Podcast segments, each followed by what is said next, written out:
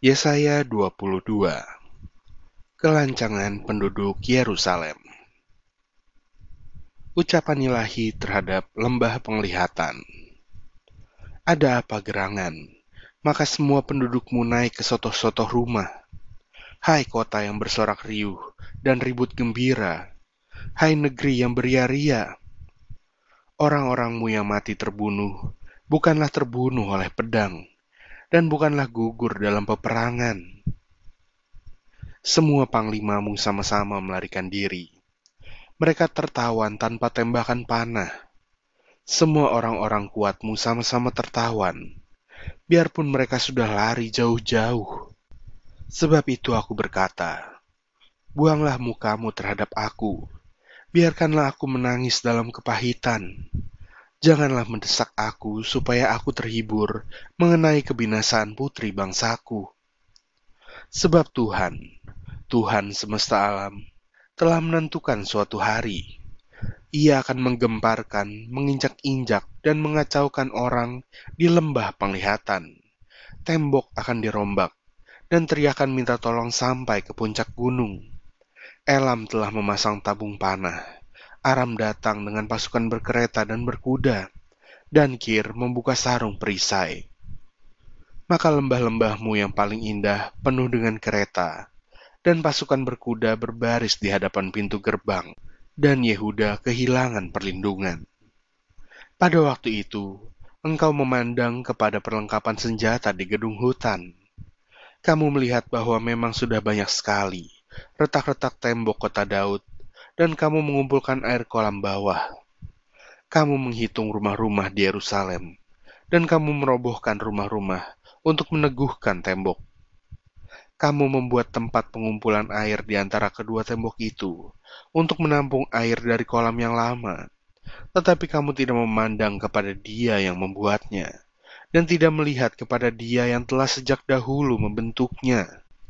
Pada waktu itu, Tuhan Tuhan semesta alam menyuruh orang menangis dan meratap dengan menggundul kepala dan melilitkan kain kabung. Tetapi lihat, di tengah-tengah mereka ada kegirangan dan sukacita, membantai lembu dan menyembelih domba, makan daging dan minum anggur sambil berseru, Marilah kita makan dan minum, sebab besok kita mati. Tetapi Tuhan semesta alam menyatakan diri dan berfirman kepadaku, Sungguh, kesalahanmu ini tidak akan diampuni sampai kamu mati. Firman Tuhan, Tuhan semesta alam. Tentang Sepna dan Eliakim.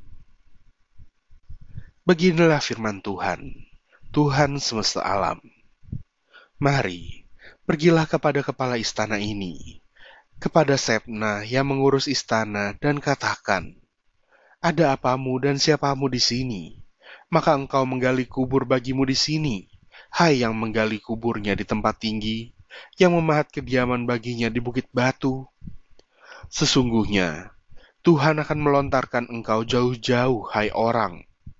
Ia akan memegang engkau dengan kuat-kuat dan menggulung engkau keras-keras menjadi suatu gulungan, dan menggulingkan engkau seperti bola ke tanah yang luas di situlah engkau akan mati, dan di situlah akan tinggal kereta-kereta kemuliaanmu, hai engkau yang memalukan keluarga tuanmu. Aku akan melemparkan engkau dari jabatanmu, dan dari pangkatmu engkau akan dijatuhkan.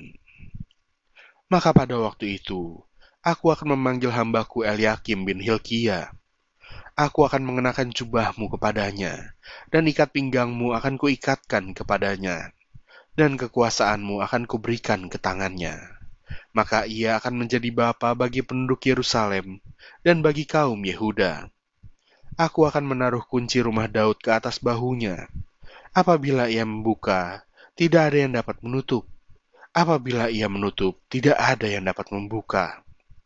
Aku akan memberikan dia kedudukan yang teguh, seperti gantungan yang dipasang kuat-kuat pada tembok yang kokoh maka ia akan menjadi kursi kemuliaan bagi kaum keluarganya. Dan padanya akan digantungkan segala tanggungan kaum keluarganya, tunas dan taruk, beserta segala perkakas yang kecil, dari piring pasu sampai periuk belanga. Maka pada waktu itu, demikianlah firman Tuhan semesta alam. Gantungan yang dipasang kuat-kuat pada tempat yang kokoh, itu tidak akan kuat lagi, sehingga patah dan jatuh, dan segala tanggungannya itu hancur, sebab Tuhan telah mengatakannya.